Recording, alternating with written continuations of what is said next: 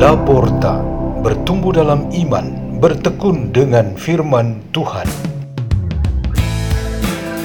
Radio Laporta, pintu terbuka bagimu untuk pertumbuhan pengetahuan dan kebijaksanaan tentang Allah.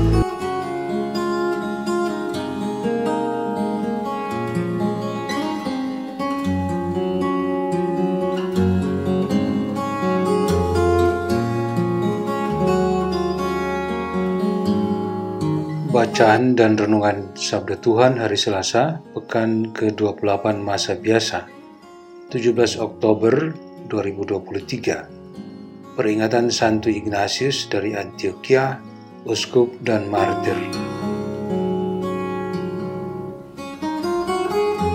Dibawakan oleh Pastor Peter Tukan SDB dari komunitas Salesian Don Bosco Gerak di Labuan Bajo, Keuskupan Ruteng, Indonesia.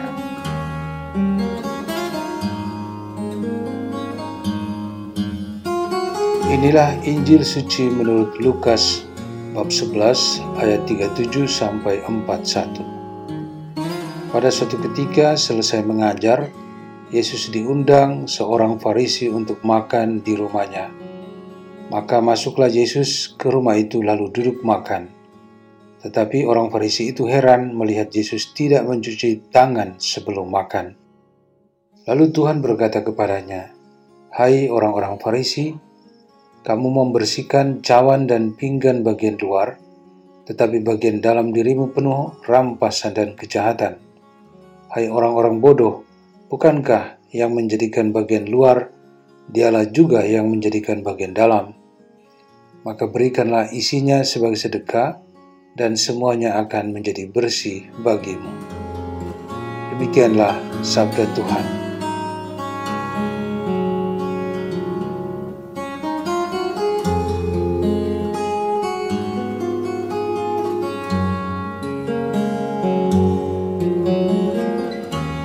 Renungan kita pada hari ini bertema Jangan paksakan Tuhan berbelok arah. Umat Kristen Roma yang minoritas masih baru dan sangat terancam oleh penganiayaan. Pada waktu itu mereka dinasihati Santo Paulus untuk harus kuat imannya kepada Kristus. Mereka harus berpegang pada Yesus Kristus saja, karena Dia adalah Tuhan yang benar. Sebagai perbandingan, Orang Kristen Roma diajarkan untuk tidak mengikuti cara orang Yahudi dan Yunani yang memaksakan Tuhan berbelok mengikuti arah mereka. Kepercayaan Yahudi dan Yunani sangat mengagungkan kebijaksanaan dan pengetahuan, sehingga Yesus Kristus bagi mereka sekedar sebagai satu bagian dari kebijaksanaan dan pengetahuan itu. Ia sejajar dengan para nabi atau guru masyarakat lainnya ia cukup saja dikenal dan dikagumi, tapi tak pernah sebagai Tuhan bagi mereka. Tuhan dibuat berbelok arah miring kiri atau kanan, sehingga tidak lurus lagi untuk menandakan kebenaran dan kepastian kehendaknya. Rasul Paulus sangat berharap agar orang Kristen Roma beriman dan bergantung tegak lurus kepada Kristus Putra Allah itu. Apa akibatnya kalau di dalam hidup ini hanya ada orang pintar, orang bijaksana, kuat, berwibawa, cerdik, dan terkenal, tetapi tidak ada Tuhan Allah? Satu jawaban yang pasti ialah akan terdapat begitu banyak relativisme. Di sana-sini ada berbagai macam klaim kepandaian dan kebenaran, sehingga terjadi kompetisi dan saling mengalahkan. Perlombaan dan persaingan itu tak akan berakhir. Akibat yang paling fatal ialah yang lebih kuat dan berkuasa akan menang. Santo Ignatius Antioquia, uskup dari Antioquia, yang hari ini kita peringati adalah satu contoh seorang tegak lurus dengan Yesus dan mempertahankan itu sebagai martir.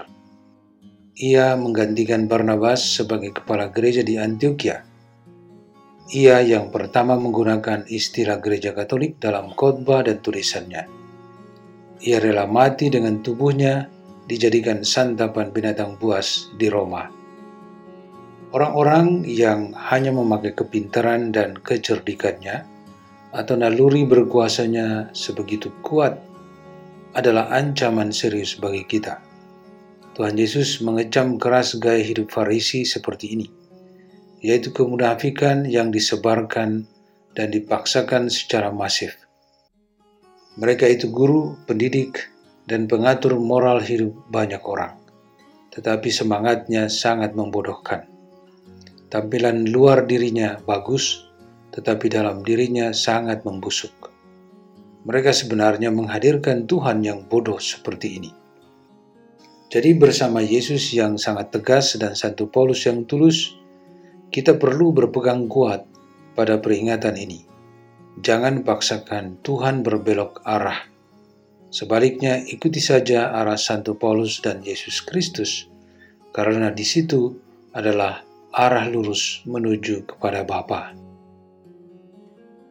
Marilah kita berdoa dalam nama Bapa dan Putra dan Roh Kudus. Amin.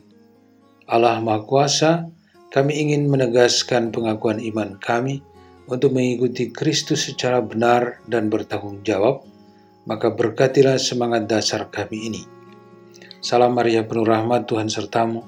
Terpujilah engkau di antara wanita dan terpujilah buah tubuhmu Yesus. Santa Maria Bunda Allah doakanlah kami yang berdosa ini, sekarang dan waktu kami mati. Amin. Dalam nama Bapa dan Putra dan Roh Kudus. Amin.